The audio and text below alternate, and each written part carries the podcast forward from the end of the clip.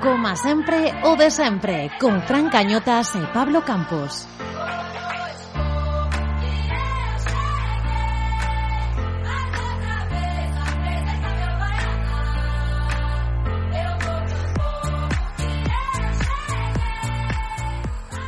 Ola, ola, moi boas, benvidos a este 15º episodio do noso podcast Celeste. Pablo Campos. A lo menos non se perdeu, Fran. Os celestes colleitaron un empate na casa ante o Eibar. O bo Queda unha semana menos para que volva Iago Aspas. Queda unha semana menos, pero polo menos temos o mellor podcast do mundo. Comeza, como sempre, o de sempre.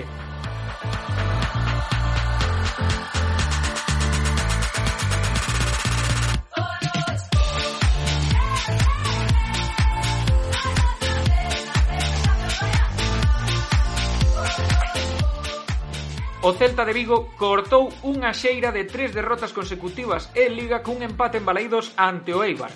O encontro comenzou de cara cun tanto de Brais, aproveitando un erro na defensa rival. Sí, pero a partir de aí o Celta deu dous pasiños cara atrás e o Eibar dominou o balón e as ocasións. Ainda así o Celta rematou o primeiro tempo con vantaxe. Na segunda metade, Mayo puido poñer o segundo cun cabezazo diante só de Dimitrovic e cando mellor estaba a xogar o equipo do Chacho, chegou o erro. Ai, o cai, o cai. Perdeu un balón o turco en campo propio e propiciou a contra. Pase perfecto de Muto e golazo de Brian Hill para o empate. Que bo este rapaz, por certo. Sí, sí. sí e xa no final Brais tivo o segundo, pero o seu tiro, bueno, tiro pase chapou no marco Dimitrovic. Partidazo dos guardarredes, do guardarredes serbio que está a consagrarse como un dos mellores porteiros da liga, da categoría e eh, incluso diría eu de Europa casi. Pois si, sí, eh, din que ten un preacordo xa firmado co, co Sevilla, así que imagínate como como está o tema. No que respecta ao Celta B, os de Onésimo non tiveron partido por segunda semana consecutiva por mor da Covid-19. Un positivo no filial obligou a adiar o derbi contra o Racing de Ferrol na Malata e a semana pasada tampouco se xogou en Barreiro o correspondente ante o Guijuelo. Debería ir recuperando estos partidos o Celta porque a verdade é que o Celta B está facendo unha boa campaña, ou polo menos unha boa segunda volta. Ollo, que gañando, este, gañando por iso, por iso. Ponse terceiro pois pois imos ver que, que é o que pasa. Os últimos resultados do Celta, o mercado de fichaxes e a planificación deportiva serán os temas que trataremos no noso tempo de análise.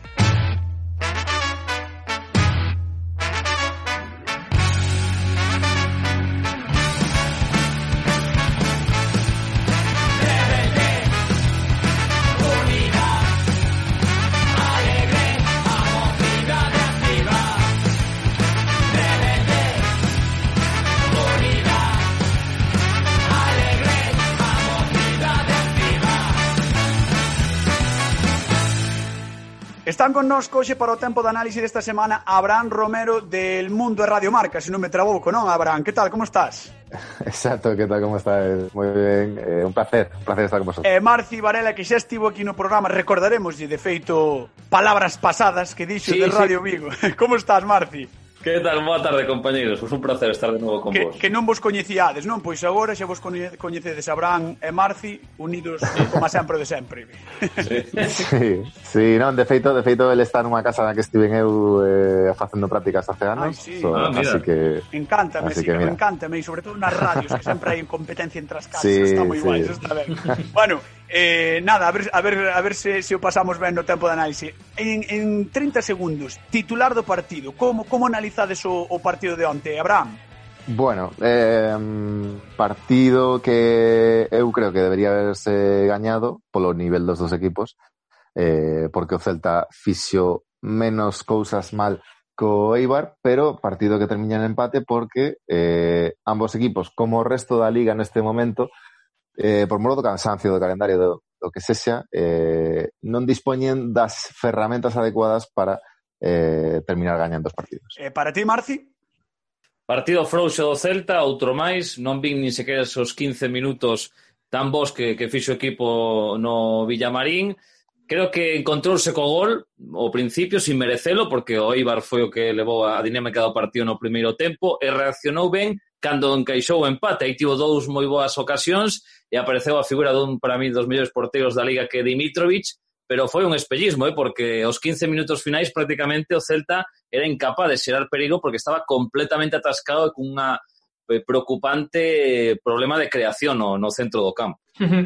Eh, córtase esa xeira de tres derrotas consecutivas en Liga, pero as sensacións as sensacións non son non son as mellores a pesares deso.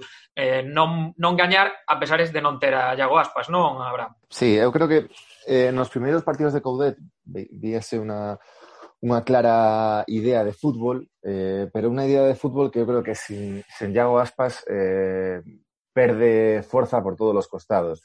Eh, máis alá de Iago, eu creo que hai xogadores que non están no, no seu mellor momento, non, non xa neste preciso instante, senón en toda a temporada, eh, principalmente Denis eh, Enolito, eh, eh, aportalaba, por, por exemplo, Marci da, da, da, Marci da creación, da, bueno, desas ocasións, eu creo que o Celta necesita xogadores diferenciais eh, no ataque para poder aspirar a, a gañar partidos de forma constante. Podes atopar algún partido que, que por alguna razón eh, te encontres un gol como contra o Eibar ou algún empate fora da casa ou que sexa, pero eh, necesitas ferramentas. Esas ferramentas o Celta eh, non as ten e non eh, o entrenador tampouco este no banquillo. Mm. Onte o no banquillo eran eh, Baeza, eh, Alfon, eh, Okai, non son solucións para, para, para, pa o equipo. Opinas o mesmo, Marcio? Sí, opino parecido. O Celta ten un grave problema de planificación deportiva mm, que arrastrase. Ao final, foi como un espellismo, mm, utilizando o mesmo termo que utilicei antes, o, o inicio do Chacho Coudé, porque o equipo sí daba outra imaxe, era moi competitivo, moi intenso, pero creo que co paso dos partidos foise perdendo esa intensidade porque aparte de que non este Iago Aspas, que evidente que influe nos restos compañeros, Para mí o Celta non tiña os xogadores que require Coudé para xogar desta maneira. Para xogar así creo que necesitas tipos como Guas, tipos como Tuco Hernández, xogadores de ida e volta, de moito físico, que o Celta non ten no centro do campo, a excepción de, de Tapia nestes intres. Entón é moi difícil desenvolver esa idea, porque sabemos que Nolito volveu da lesión está moi apático, aparece moi pouco. Denis, que sí que quizáis o único que pon algo de criterio no centro campo, pero tamén comete moitos erros na, na serie de balón que costan tantos. Brais, para min, que está sendo o máis destacado en ataque, pois é o único xogador que sí que aparece de vez en cando entre liñas e xir algo de perigo, e ao final tamén existe un conformismo dos titulares, é dicir, porque por moi mal que o faga, vou seguir xogando, porque, mm. porque o caso de Santimina, a mí Santimina sí, non discuto que pelexa, que está aí cada balón, pero os números, dous goles, dos goles en 19 xornadas o, o segundo dianteiro do Celta. Para mí iso é inadmisible eh, e veremos se se soluciona ou non no mercado de inverno porque falanse de extremos, pero non se fala de, de un nome que creo que un nove que creo que o Celta é o, o que necesita. Logo si sí, o Kai que se equivoca, eh, erros come, cometen todos, pero o do banquillo é, é que é terrorífico, o sea, que condenle máis os partidos. En todas sí, as posicións. Pode ser, pero es que da igual, o sea, antes miras que xogador ofensivo tiñas para cambiar a dinámica. Un que era Alfon, e eran oficiales, que non, non había nada máis. E logo, Beltrán é un xogador que para min es que non lle aporta nada a este Celta. Mira que tivo oportunidades, pero parece un medio centro planísimo, o sea, non dá un pase que rompe unha liña, corre é curioso como polo porque é un xogador eh, fi, o sea, fixo na, nas convocatorias da selección. Sub-21, pero non é titular, sí, é suplente. Sí, sí, sí, pero, sí. pero non, que, que lle aportas de Celta? O sea, que lle dá de plus? Ningún. O sea, cada, cada vez que falta un titular entra un do banquillo es que non melloramos nada, empeoramos. Entón o equipo está pois collido por alfileres, eh, eh, hombre, contra estes rivais como Eibar, danos pola calidade, pero evidentemente contra equipos como Villarreal, Real Madrid ou Sevilla, que perdimos os tres, mm. o Celta está moi lonxe agora mesmo dese, dese nivel. A min, da, a min dá má sensación de que eh, comentaba yo Abraham antes de, de, de comenzar a gravar de que tamén eh, o estado físico, non só do Celta, eh, senón de, dos equipos da primeira división, por tanta carga de partidos, por unha liga tan rara esta que están a disputar, pois como que, que os equipos chegan aos últimos minutos, é verdade que non tiña claridade de ideas arriba o Celta, pero que tamén chegan fundidos, non hai un desmarque, non hai unha contra, eh, todo o ataque moi posicional, eh, eh, movendo a pelota no centro do campo, ningún equipo quere arriscar, ningún quere perder, entón provoca que sexan moi conservadores no xogo, e isto o Celta nas últimas xornadas parece que multiplica. Sí, pero eu, eu non creo que, por exemplo, Coudet sexa ese tipo de entrenador que queira que queira aguantar o resultado. Pero sai que, así o equipo igual. Que se conforme. Claro, pero que, que, que? Es que volvemos ao mesmo debate. Non ten solucións os xogadores chegan cansados ao final dos partidos porque xogan sempre os mismos 11, os mismos mm. 12 ou, ou 13 xogadores que é o único que utiliza, porque non hai máis. Outros outros equipos quizá poden eh, exprimir un pouco máis os partidos porque en 4 días, en 5 días, en 7 días poden utilizar a cinco xogadores de refresco que, que sexan diferentes e eh, podan estar un poquito máis frescos. Mm. Pero o Celta non pode. Eh, e máis alá de, do, do ataque, eu, por exemplo, o, un dos mellores eh, exemplos de, de todo isto é Murillo Murillo chega o ano pasado eh, cedido coa necesidade de gañarse unha, unha continuidade sexa no Celta ou no, ou no seu equipo que había cedido eh, e xoga moi ben xoga moi ben, termina a temporada eh, o Celta o Celta paga el como, como calqueira quizáis noutra, noutra profesión, dice, bueno, eh, xa estuve en Vigo, xa han, paga, han pagado por mí, eh, non, eh, non teño un, un xogador suplente que me que me, me obligue a, a facelo todo e a, a exprimirme, eh, son titular e non necesito máis. E o nivel de Murillo actualmente mm. é nefasto. Pasa con Murillo, pasa con, con prácticamente todos, menos con Tapia e con, e con Iago. Co resto igual, Nolito sabe que xogue como xogue vai xogar, Denis sabe que xogue como xogue vai xogar, uh -huh. Brais o mesmo, Santi mina o mesmo. É que é, é todo un, un círculo vicioso que eu non creo que Coudet prefira isto, eh? non creo que Coudet prefira eh, empatar 1-1 eh, en casa con ele, pero uh -huh. Okay. Agora chega Solari que en teoría dá un, unha competencia, polo menos a eses nomes que acabas de citar, Abrán, a todos ellos les influe. O problema é que, claro, este Solari, que eu non, non o vixo, non, non o vi nunca xogar, non sei o nivel que, que terá, pero, claro, ves o seu historial, dos rupturas de cruzado, unha no 2019, outra no 2020, e seis ay, partidos poñe, en total no ano pasado. Ai, ai, poñente esperanza. no, no, eu digo a realidade dos números. Está sin xionllos, é un desastre. no, digo, o estado físico no que estará este xogador, que sí, sí. unha adaptación a un fútbol distinto como o español ou argentino. Uh -huh. sí.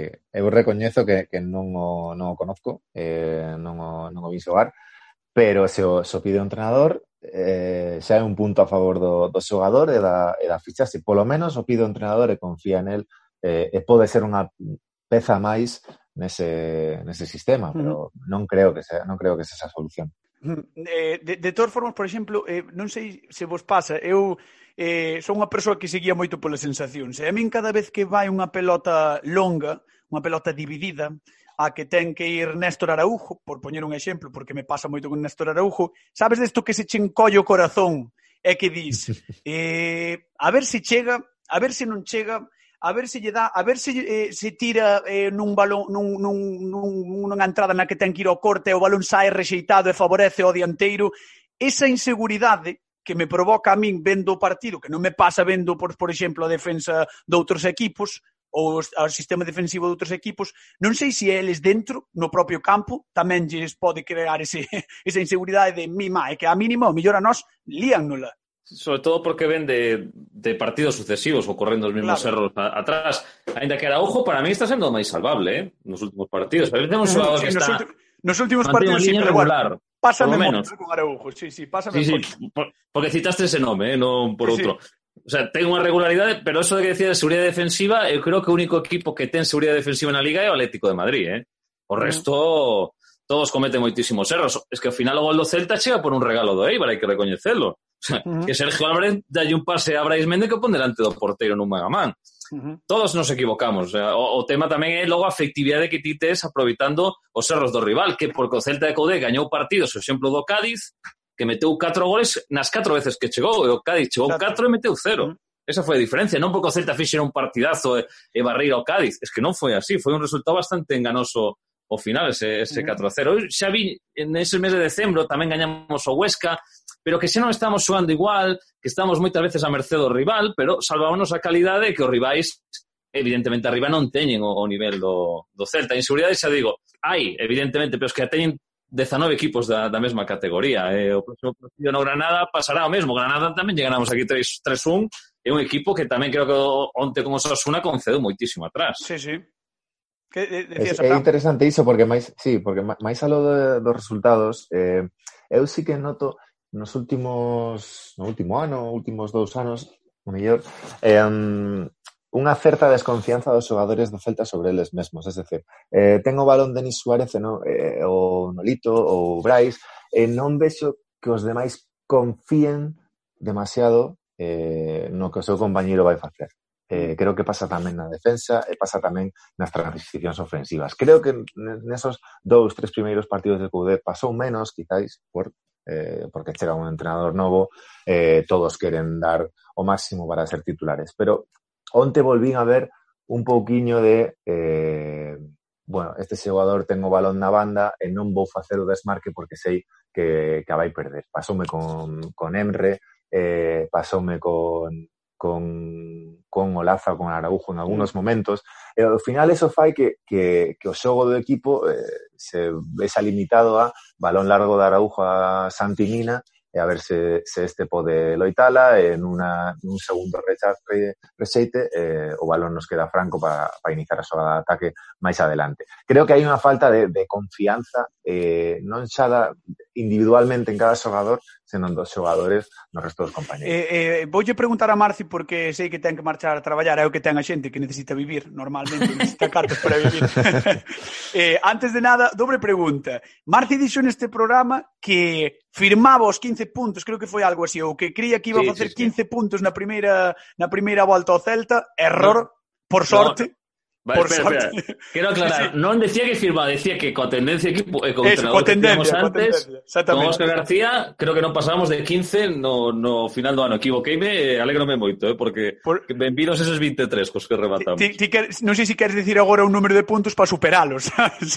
se te apetece decir un número de puntos do, do, do final de campeonato xa... No final de campeonato, eu creo que o Celta estará en torno aos 45. Bueno, eso xa é salvado, bueno, así, vale, vale, vale, perfecto. É que creo eh... que nos salvamos porque ao final agora mesmo, estando equipo mal, pero ten un colchón, creo que estamos seis por encima do descenso, e ves, sí. o Huesca, uf, que yo veo moi susto de, de efectivos mm. e de calidade para salvarse. O Elche, que ten unha plantilla tamén moi curta, o sobe de adestrador pedindo seis fichaxes, chegoulle unha polo momento.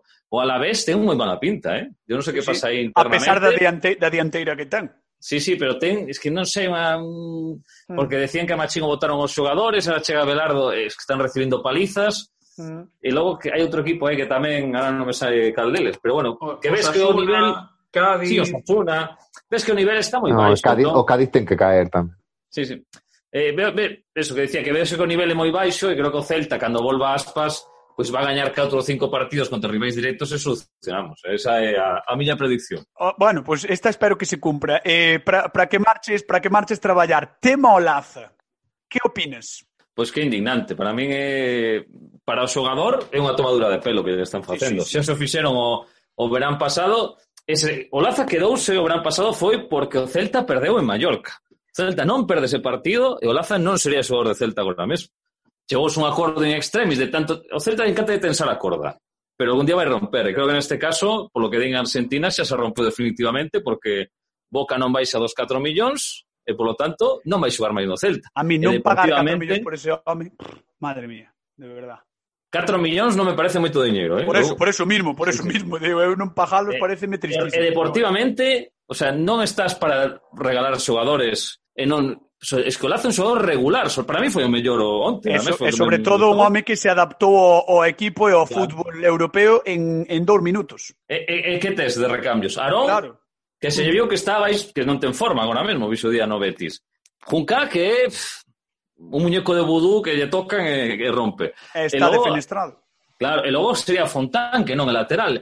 A mí eso non me dá ningún tipo de seguridade cando tes un xogador que o Celta, a non estar en Copa do Rei, pode xogar todos os partidos que restan sen problema. Non entendo deportivamente a decisión, pero sei que é unha decisión que xa ten tomada dende moi arriba, dende moito tempo, que non ven ao Laza como lateral esquerdo para o Celta, e se non é agora, pois en suño marchará. Bueno, tristemente. Pois aí quedan as palabras de Marci. Marci, traballa moito, eh? Nos que eh? Pues nos continuamos aquí. Veña. Pues, graciñas, pasade ben, unha aperta. Veña, unha aperta. aperta. Eh, eh, eh, Abraham, ti, ti que opines do, do tema Olaza? Eu, eu creo eu sí que creo que, que algo que teñen decidido de, de fai moitos meses. Eh, creo que é unha máis, unha máis desta extraña planificación deportiva que leva facendo o Celta nas últimas dous, tres temporadas. Eh, quizáis neste ano eh, poida estar máis justificada no tema económico das pérdidas que, que ha ocasionado o coronavirus. Uh -huh. eh, hai moitos equipos que non teñen diñeiro, que nin sequera poden eh, fichar xogadores porque non poden dar saída os que teñen, eh, en o caso de Celta pareceme igual. Eh, eh, para eles é eh, unha situación de, bueno, eh, imos salvarnos máis ou menos con certa facilidade, ou allá, eh, e non necesitamos pagar esos 4 millóns de, de euros que pide Boca por Olaza e que podemos utilizar en salvar se, as contas. Se ti, ti crees que é unha cousa máis de cábalas económicas, non? De, de dicir, sen eu dúbida, creo, creo que, nos, que nos salvamos. Sen dúbida, porque xa o era, xa o era no verán. Uh -huh. eh, como decía Marci, se o Celta non, lo, non chega a perder en, en Mallorca, eh, a salvación hubiese estado moito máis eh, accesible eh, e o Laza non, non o seguido en Vigo. Eh, en esta situación é o, é o, é o mesmo. E, e, na dirección deportiva do Celta creen que con Arón e con Junca e con quizáis algunha fichaxe que poida chegar libre no mercado de inverno eh, sonaba por aí un, un lateral esquerdo da Liga Belga, se non me equivoco, sí. eh, poden cubrir o parche eh, con Iago Aspasano conseguir a permanencia. Aí ya, xa entramos noutro debate. Eu creo, por exemplo, que este Celta de Coudet con os xogadores actuales, actuais, máis eh, dou dúas fichaje, fichaxes interesantes no, no ataque, podería quizáis loitar eh, por os oito primeiros postos, primeiros postos, vamos a, a hablar así, sí, sí. Da, da Liga. O, optimista, eh, optimista. Que, claro, pero un, un ano podes pillar Europa, outro ano, quizáis non, pero estás aí, estás aí arriba. E iso é o que ao final fai historia e fai equipos. Sí, igual é a regularidade claro. que lle okay. faltou o Celta nos últimos anos, sobre todo, bueno, co, cando o, o ano de Berizzo, que despois o ano seguinte quedouse décimo terceiros ou unha cousa así, sí. pero sí, o que, o que diste, sobre todo, que, que cheguen dous homes de, a poder de un pouquiño de, de marxe, de rotación e competencia a, sí. a tanto Nolito como, como Santimina. Falase... Home, a, agora... Sí Claro. Falase de Cervi, agora mesmo eh, sí, falase, sí, sí. non se sabe, o dianteiro nin, nin se está, e igual casi nin se lle espera. Eu creo que, que están actuando eh, como se o equipo fora decimoquinto eh, e non loitara por absolutamente nada, pero o Celta é actualmente noveno a 4 puntos do séptimo. Hmm. O séptimo, que, que é o Granada, que está horrible, o octavo é o Betis, que tamén tampouco sí, está no irregular. momento. E logo está Celta noveno con 24 puntos. A 4 puntos do séptimo, que en teoría o séptimo podería dar acceso a, a xogar a Europa League. Home, eu creo que un equipo como o Celta con Iago Aspas e con xogadores que ten, debe, non, non, non digo entrar en Europa ano tras ano, pero loitar por os 10 primeiros postos da Liga Española ano tras ano ata que se retire Iago, por suposto. Sí, ou polo menos eh, salvarse sen, sen sufrir, como as últimas temporadas. Sí, dende logo, dende logo, pero hai equipos teóricamente vos como Setafe, Bilbao, Valencia, que están moi mal esta temporada. E o Celta, coa situación que máis, máis ou menos ten de xogadores, de entrenador valen, valiente, de tal, eu creo que, que debería poder loitar por eso. E que, que verdade que son 4 millóns por Olaza, que esos 4 millóns quizás sea meis, mellor gastalos nun nome de ataque. Me, poderían convencerme con eso, pero hai que gastalos. e hai que aprovechar o momento e hai que darlle a Iago os xogadores os compañeiros que non lle han dado durante os últimos cinco anos. Eh, eh, Tres anos, bueno, cinco pasime. Eh, por, por ir pechando un pouco o tempo de, de análise, por onde pasa esta mellora do Celta de cara ás próximas xornadas? Onde crees que están os puntos máis máis febles, máis débiles do equipo que hai que mellorar? Eu creo que a consistencia defensiva eh, é vital nesta época de coronavirus, de tantos partidos, de un, dun calendario apretadísimo, eh, tal. Creo que aí a, a fiabilidade defensiva do equipo ten que ser primordial. Eu, eu creo de, realmente que Coudet, Coudet aspira a eso, aspira a, a ter unha defensa. Vere, veremos agora agora sen, sen Olaza, pero con Hugo, Murillo, Araujo, eh, si Murillo mejora un poquito e dá dous pasos a, hacia adelante, creo que o equipo con nivel actual de Tapia eh, debe encontrar esa, esa consistencia eh, defensiva. Eh, en canto volva Iago, eh, seguir aproveitando os partidos e os rivais como Eibar, conseguir sacar esos puntos, esas victorias, eh, e soñar. De verdade, eh? eu creo que o equipo non está para lo, pa loitar coa, coa permanencia. Mira, xa para ir rematando, eh, digo che o calendario do Celta dos próximos seis partidos son Granada, Atlético sí. de Madrid no Wanda, Elche, uh -huh. Valencia, Valladolid e Huesca. Prácticamente uh -huh. cinco gañables deses seis que se poderían gañar. Sí. Outra cosa é que os gañen, pero que poderían gañarse sí. cinco, porque o Atlético de Madrid, bueno, tal como está, eu non conto rascar mmm, prácticamente nada no Wanda, pero que os outros sí. cinco son totalmente gañables. Sí, eu creo que eh, que me decía Granada, Valladolid, Valencia, bueno, eu creo que son 10 sí. puntos. 10 puntos pode eh, ser sacar tres victorias. Sí, por eso que Elche na casa, eh, Huesca, Granada, eu creo que o equipo tal e como está Granada, un empate pode sacar. Eh, e Valladolid, Huesca, Granada e Valladolid, perdón, Huesca, Elche e Valladolid son tres partidos que hai que gañar. Hmm. sí o sí. Son esos partidos os que al final van a darte unha permanencia máis ou menos tranquila. Se perdes, se comezas a perder esos partidos, malo. Comezas a perder, dai, daslle eh, alas aos, os rivais pequenos e ao final metes, en problemas. Pero eu creo que gañando esos tres partidos, empatando quizáis en, en, en Granada, eh, en Mestalla, ¿no? Sí. Eh, o partido en Mestalla, o. Valencia. Empatando en Mestalla e sen, sen pensar si que, si que era no, no Atlético de Madrid, que iso ya sabemos complicado, pero, pero eu creo que que, ten, que hai equipo de verdade, que pa- só falta que, que os xogadores confíen en, en eles, en, en sus compañeiros, e o entrenador tamén, que confíen aí ao entrenador que nos primeiros partidos veuse que, que era correcta. Pois Abraham Romero, agardamos que confíen en si sí mesmos e que confíen tamén no Chacho Coudet para que sumen os máximos puntos posibles diante dos rivais que, que, que quedan por diante ata final de temporada. Moitísimas grazas, de verdade, é un placer falar contigo que estés no como sempre de sempre. Eh, xa sabes, este é a túa casa, así que cando ti queiras.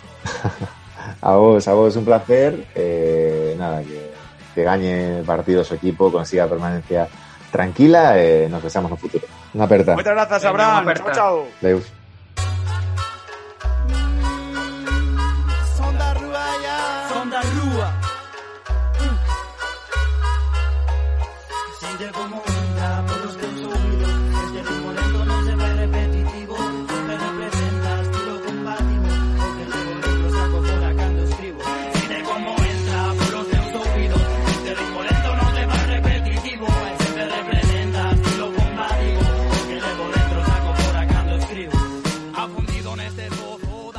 Hoxe temos unha fichaxe, como é mes de fichaxes, unha fichaxe de luxo para, para a pizarra. Está connosco Martín Roma, scout e analista de fútbol internacional, co que falaremos deste mercado do Celta, polo menos co que vai ata agora. Que tal, como estás, Martín?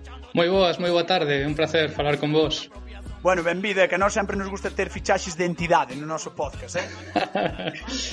moi moi agradecido, de, de veras, moi moi agradecido de, de estar con vos. Bueno, eh, se si che parece comezamos co máis recente, a fichaxe de, de Augusto Solari. Xa ven que no Twitter eh, poñías algo, que tiñes algún fío sobre el, do scouting que lle, que lle fixeres. Que valoración faz ao respecto? Me, a min Augusto Solari a verdade que me parece un xogador do que carecía o Celta. O Celta non ten un xogador das características de, de Augusto Solari porque a posición que viría a ocupar sería efectivamente a de, a de Brais Méndez, non? Que ao final será o que queren, o que queren sustituir. Eh, que vos podo dicir? Este rapaz pode, pode xogar nesa banda dereita, tanto de volante como, como xogador de banda a banda o carón, o carón da liña de cal. Eh, por tanto, como vimos esta fin de semana, que polo menos o pouco que puden ver do partido do Celta, con un 4-1, 4-1, que me parece que xogou, Podería xogar pois na banda dereita, por exemplo, nesa liña de 4, os mediocentros, e logo no 4-1-3-2, pois sí, como Brais Méndez xogando por dentro para liberar a banda para o lateral, non? Entón, é compatible con Brais Méndez ou isto, esta fichaxe implicaría a súa saída do, do 11? Pois probablemente implicaría a saída do once, si. Eu penso penso que si, claro, porque ao fin e ao cabo o que busca o Chacho é ter máis máis xogadores cos que cos que contar, non? Porque ao fin e ao cabo, ti cando ves poste na pel do Chacho, ves o banco de, de suplentes, botas as mans, as mans á cabeza, non tes perfis dese pois como a, como a gusto. Como o gusto Solari non tes xogadores no, no banco.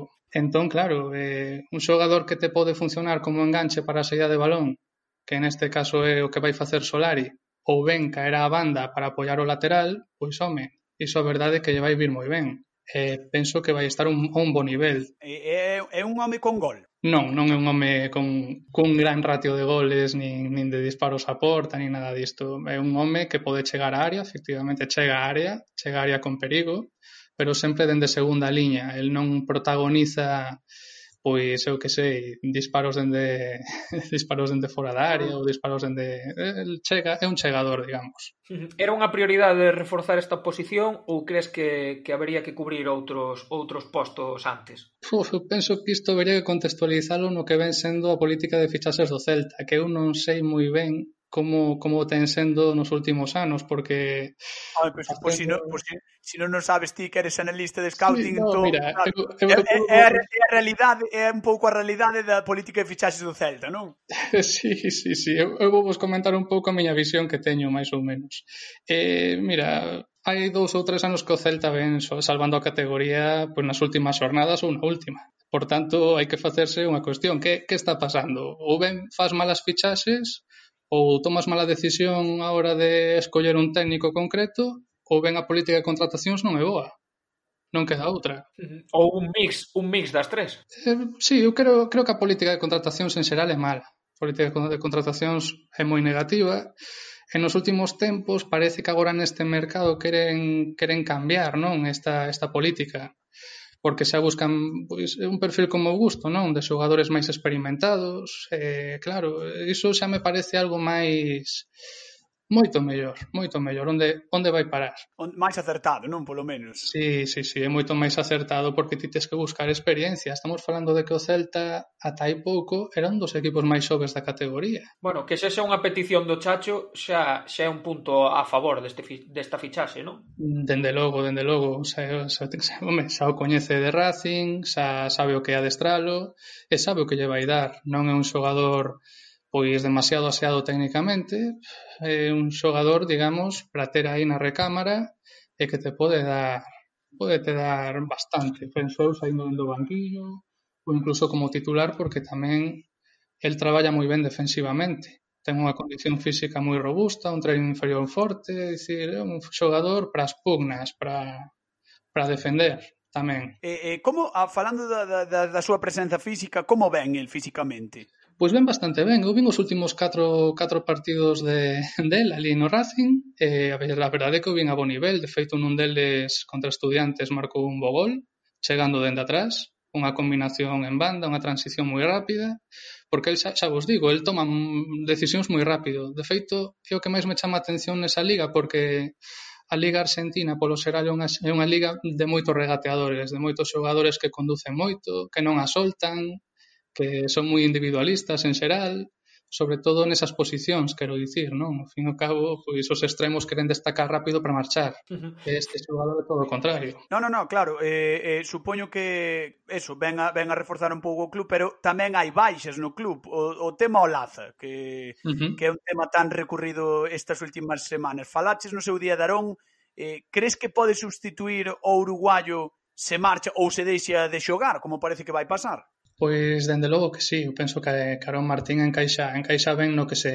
no que se precisa, ao fin e ao cabo o que precisa o Celta son laterais que xoguen moi alto, que xoguen en altura, que xoguen en campo contrario, porque no ataque posicional o Celta comeza con esa liña de tres moi clara, logo cun xogador no medio do campo que é xeralmente Denis Suárez, e despois seis homes arriba que están xogando prácticamente en paralelo, están todos xuntos, eses seis, ves a liña perfectamente dende arriba, e eses seis xogadores precisan un lateral que te xogue na banda moi ben, é dicir, que te suba e te baixe, en este caso Aaron Martín cumple expectativa, penso que sí penso que vai cumplir. De feito, viuse onte, eh, isto que comentas ti, na ocasión que tivo o Gomallo de cabeza, o centro pon o Laza na liña de fondo e o que chega a rematar no segundo pau é, é o Gomallo, o lateral contrario. Efectivamente, que, é que ese, ese é o tema. O Celta, tal e como ten concebido o Chacho Coudet, é un equipo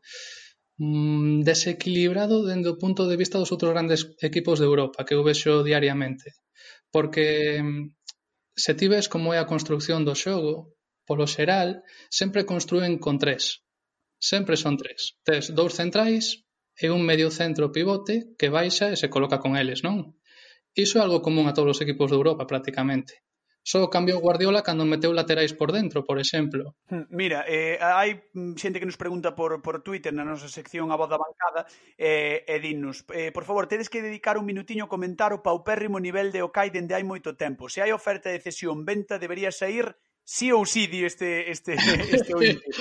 Calquer rapado filial supera este rendemento. Bueno, isto todo ben, obviamente moi marcado polo erro do día de onte, que, que é evidente que, que lle custa un gol ao Celta, pero non sei se vesti tamén que o Cai está como eh, un pouco á súa bola, digámoslo así. Uh -huh. Claro, non, a, a verdade é que o tema de Okai é, é frustrante porque é un bo xogador, o turco pois, hai que recoñecer que é un xogador moi técnico, un xogador que ten condicións moi boas, pero parece que a súa, o seu aclimatamento á liga non foi bo.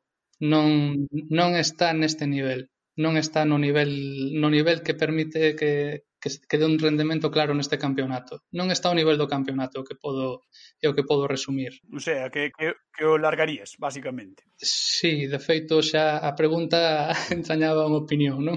A pregunta bueno, de... sí, era, era a pregunta do Inte, sí, de Berto, pero, pero sí, non, eu, eh, igual é un xogador que non ten sitio agora mesmo no Celta. Eh, mira, a verdade é que se non ten sitio van, ter que, van ter que buscar un recambio para el. Iso é o que me chama a atención. Se lle van ter que buscar saída, pois pues, terá que ser con recambio. É vas ter que buscar un xogador quizáis dun perfil moi similar a Denis Suárez, moi moi similar, porque o que buscas é un xogador que reteña o balón de costas, que vai recibir de costas, xeralmente. Entón, pois ten que ser forte físicamente e ten que ter a calidade suficiente para xirarse e darlle continuidade ao xogo, que é o que se busca, non?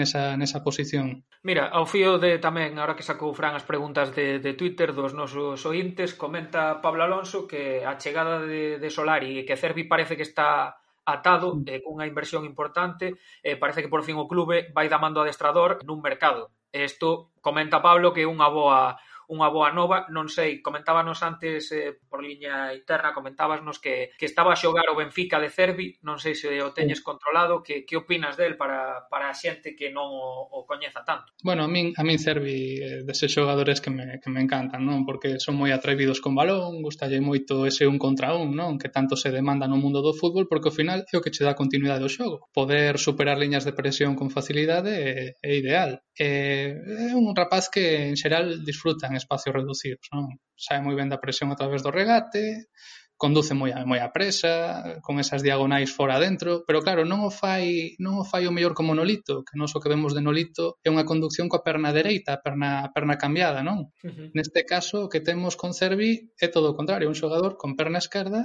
que fai que fai exactamente a mesma a mesma diagonal, pero sempre con perna esquerda e xoga, bueno, xoga ben cos dúas pernas, pero leva sempre o balón pegado á perna esquerda. E creo que comentaba no Twitter que sí que debe mellorar, non? As súas condicións, sobre todo sen balón, o traballo sen balón é importante. Serviría por Nolito. O sea, vería para, para darlle máis, restarlle minutos pero, a Nolito, por así decirlo. Pero tamén, tamén vos digo unha cousa, eu vin a Cervi xogar tamén de, de carrileiro algunha vez, vino xogar de carrileiro, ten así unhas condicións tamén interesantes para darlle a banda, non? cunha liña de tres, de tres centrais, por exemplo, el por diante pegado á banda, tamén podería tamén podería rendir, pero claro, xa non lle podes pedir tanto a nivel defensivo como lle tes que reclamar pois a Olaza ou a Arón Martín. non? Mm. E, e, por ir pechando xa esta esta pizarra que na que tan ben nos estás eh, esclarecendo os xogadores que chegan ao, ao Celta, eh, ti crees que chegará alguén alguén máis ou que ou que fai falta alguén máis? A quen ficharías ti? Donde están as eivas do do Celta? Ademais do ansiado dianteiro. Non, é que o, o dianteiro é, é necesario, ti non podes, ti non podes acudir a unha liga como esta eh, competindo contra clubes como Osasuna que teñen catro dianteiros, por exemplo. É que, mm. é que non pode ser, ti non podes ir sen as posicións dobladas. Outro día Osasuna quita a Budimir dous goles e quita no descanso, eh? Sí. O sea, que, que diste, pon outro dianteiro, non hai problema, eso o Celta non pode facer. Claro, claro, é que o Celta ten, ten un grave problema nesas posicións, e máis aínda cando xogas con dous dianteiros, porque se aínda xogases con un, pois podes dicir, ben, teño un xogador que me xoga ben de espaldas como é Santimina, e teño outro que vai moi ben o espazo como pode ser, como pode ser Aspas. Pois ben, aí podes xogar, pero se xogas con dous dianteiros, Está, está complicado porque ves o banco e non tes recursos. Non tes recursos. Teñen que fichar un dianteiro sí ou sí. E Thomas Henry, o rapaz este que xoga que xoga en Bélxica, me parece, no Leuven, ese é un bo reforzo para o Celta. A mí parece un dianteiro moi bo, un dianteiro moi forte, un portento físico e moi traballador tamén.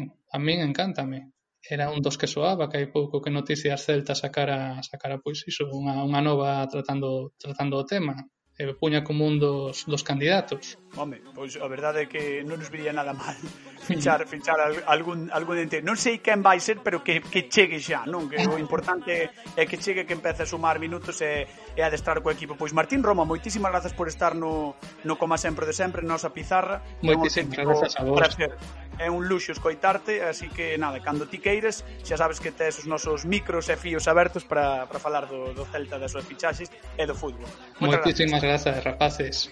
Unha aperta. Teña unha aperta. Encontra a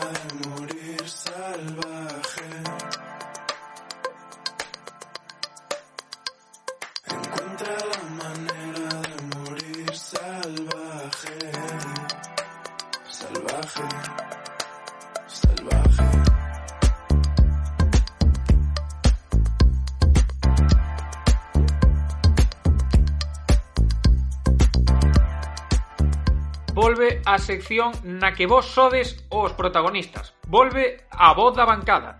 E comenzamos este apartado cun tuit de Bixu Celta, no que di que o equipo está en recuperación, as fichaxes poden dar novos aires e as exixencias que agardamos en calidade. Estamos en proceso de reconversión e da estrategia na que os xogadores están a tope con conceptos e percepcións do chacho. Sí, eh, hai que lembrar que o o Chacho só leva dous meses escasos claro, en, claro. en Vigo, entón tamén hai que darlle o seu tempo para que os xogadores capten a súa idea e podan eh, tácticamente afrontar mellor os partidos. Sí, hai que darlle tempo. Nese sentido, dinos Arón Gamarra, outro error técnico que nos custa puntos, un mal control e todo a merda, directamente. No, estános, penaliz estános penalizando moito eh, ese tipo de erros. Era un partido que merecemos gañar, sen moitos alardes, pero gañar. Pois sí, a verdade é que o Eibar tampouco fixo un partidazo nah, para pa, pa levarse punto, os puntos. Sí. Home, se ti lle preguntas a Mendilibar, diráche que sí, que, que o Eibar mereceu ata incluso gañar, pero sí, eu sí. creo que, que o, tivo unha ocasión, eh, Rubén prácticamente non tivo non tivo Realmente tivo moito. media media ocasión, porque vendo un erro, a definición é maravillosa, obviamente, pero pero vendo un erro que non se pode cometer en primeira división. Sí, sí. E xa para rematar esta voz da, da bancada, comenta José González Pazó, eh, unha vez que metimos o gol, eh, botámonos a dormir, no tema dos fichaxes non cortaría a Olaza e habería que buscar un 9 eh, como fose posible, que é a, é a posición que máis falta nos, nos fai no terreo. Que nos queda, Pablo Campos? A previa.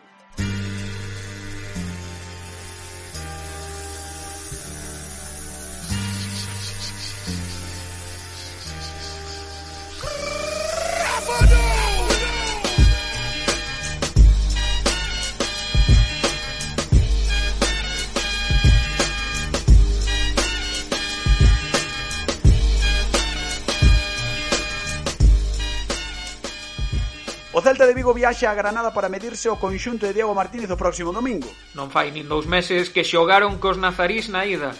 As cousas do calendario asimétrico. Os granadinos veñen de perder por 3 a 1 no Salar ante os Asuna. Mala xeira de resultados dos albivermellos que tan só suman unha vitoria nos últimos cinco encontros de Liga. Iso sí, seguen vivos na Copa, xogan este xoves diante do Navalcarnero. A principal noticia da semana será, crucemos os dedos, a volta de Iago Aspas aos terreos de xogo. Veremos en que condicións eh, regresa o de Moaña. Tamén se agarda que Solari pois xa teña minutos visto, visto o plantel do equipo. A ver, a ver se ten minutiños e podemos comenzar a, a disfrutar del. No que respecto ao filial, os donésimos reciben en Barreiro a Pontevedra. 21 días despois, 21, repito, por ese programa de televisión de Samantha Villar, 21 días despois do seu último partido de Liga. O Celta B é sexto con 14 puntos a 2 dos postos de ascenso, eso sí, con dous partidos menos. Por certo, parabéns ao coruxo do noso amigo Antón de Vicente, que gañou un 0 no Bao ao Salamanca e deu unha asistencia. Era o partido que non sí. se podía perder, Antón. Sí, sí, e foi, e foi un golazo, ademais, eh? o, do, o do coruxo estivo, estivo moi ben tamén a definición. Bueno, señoras e señores, ata aquí chegou este 15º episodio de Como Sempre o de Sempre. Vémonos, como sempre, a semana que ven. Chao, chao. Chao, ata a próxima.